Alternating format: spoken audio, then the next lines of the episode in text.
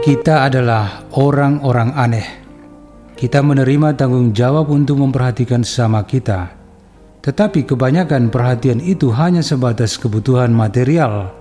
Sama seperti seorang istri merasa hidup perkawinan dengan suaminya sudah semakin dingin dan kaku. Meskipun kebutuhan materi cukup lumayan, tetapi afeksi, kedekatan, komunikasi batin dan saling menguatkan secara rohani semakin tidak terungkapkan.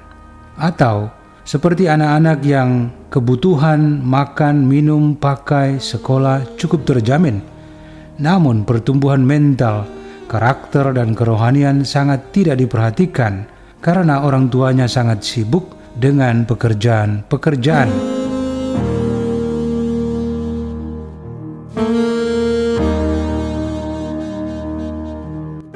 Kita sepertinya cepat bersedia dan dengan gembira memberi makan kepada seorang anak miskin yang lapar, menyediakan pakaian bagi korban kebakaran atau bencana alam, atau melakukan bakti sosial di panti asuhan. Tetapi, apakah kita juga sama bersedia dan gembiranya menolong seorang sesama dalam kesulitan moral dan imannya? Seringkali tidak, karena yang itu-itu adalah masalah pribadi. Jangan sekali-kali masuk ke wilayah yang sangat pribadi. Siapa yang berani mendekati dan menolong seorang suami yang terlanjur selingkuh dan menyengsarakan keluarganya sendiri?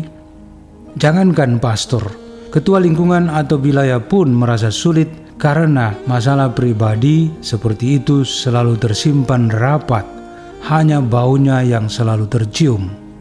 Mengapa kita menjadi begitu ragu dan kaku? Untuk masalah-masalah yang pribadi seperti itu?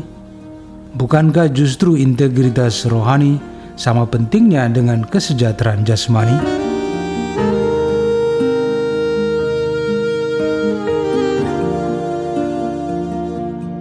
Maka Yesus mempertanyakan apa gunanya menyelamatkan atau membahagiakan hidup jika hal itu justru mengorbankan keselamatan jiwa.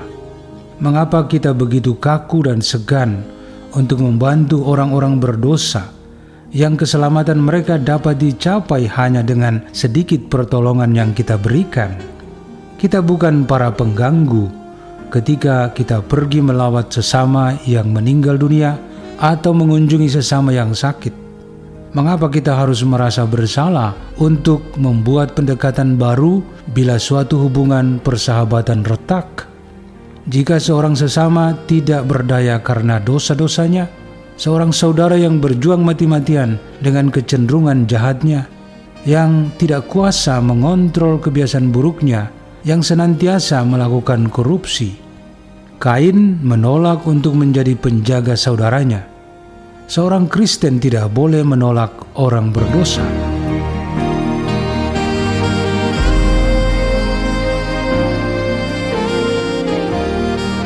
Yesus tidak segan-segan mengambil bagian dalam hidup orang-orang berdosa. Ia wafat di salib bagi mereka.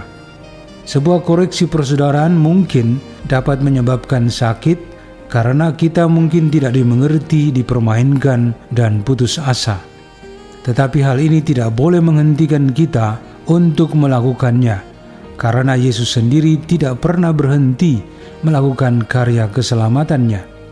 Lebih dari itu, Bukankah begitu banyak orang yang tega membawa orang lain jatuh dalam dosa dengan mempengaruhi mereka melalui pornografi, perjudian, kemabukan, korupsi, perselingkuhan, transaksi narkoba, dan kejahatan seksual?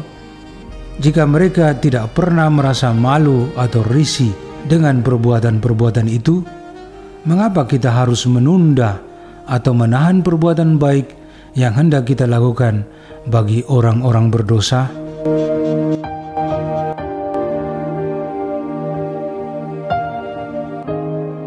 Mungkin kita sendiri merasa tidak mampu, kita merasa berdosa dan lemah untuk melakukan tugas-tugas yang sensitif itu.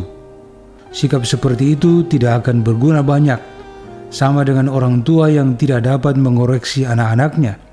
Seorang jaksa atau hakim tidak dapat menghadapi seorang penjahat Seorang guru yang tidak dapat mendisiplinkan murid-muridnya dan seorang pastor yang tidak dapat menasihatkan atau menguatkan seorang yang berdosa. Inti persoalan di sini bukan tentang siapa yang lebih baik dan lebih kuat, tetapi tentang siapa yang dengan kemurahan hati berbuat sebagai seorang penjaga dan penolong sesamanya.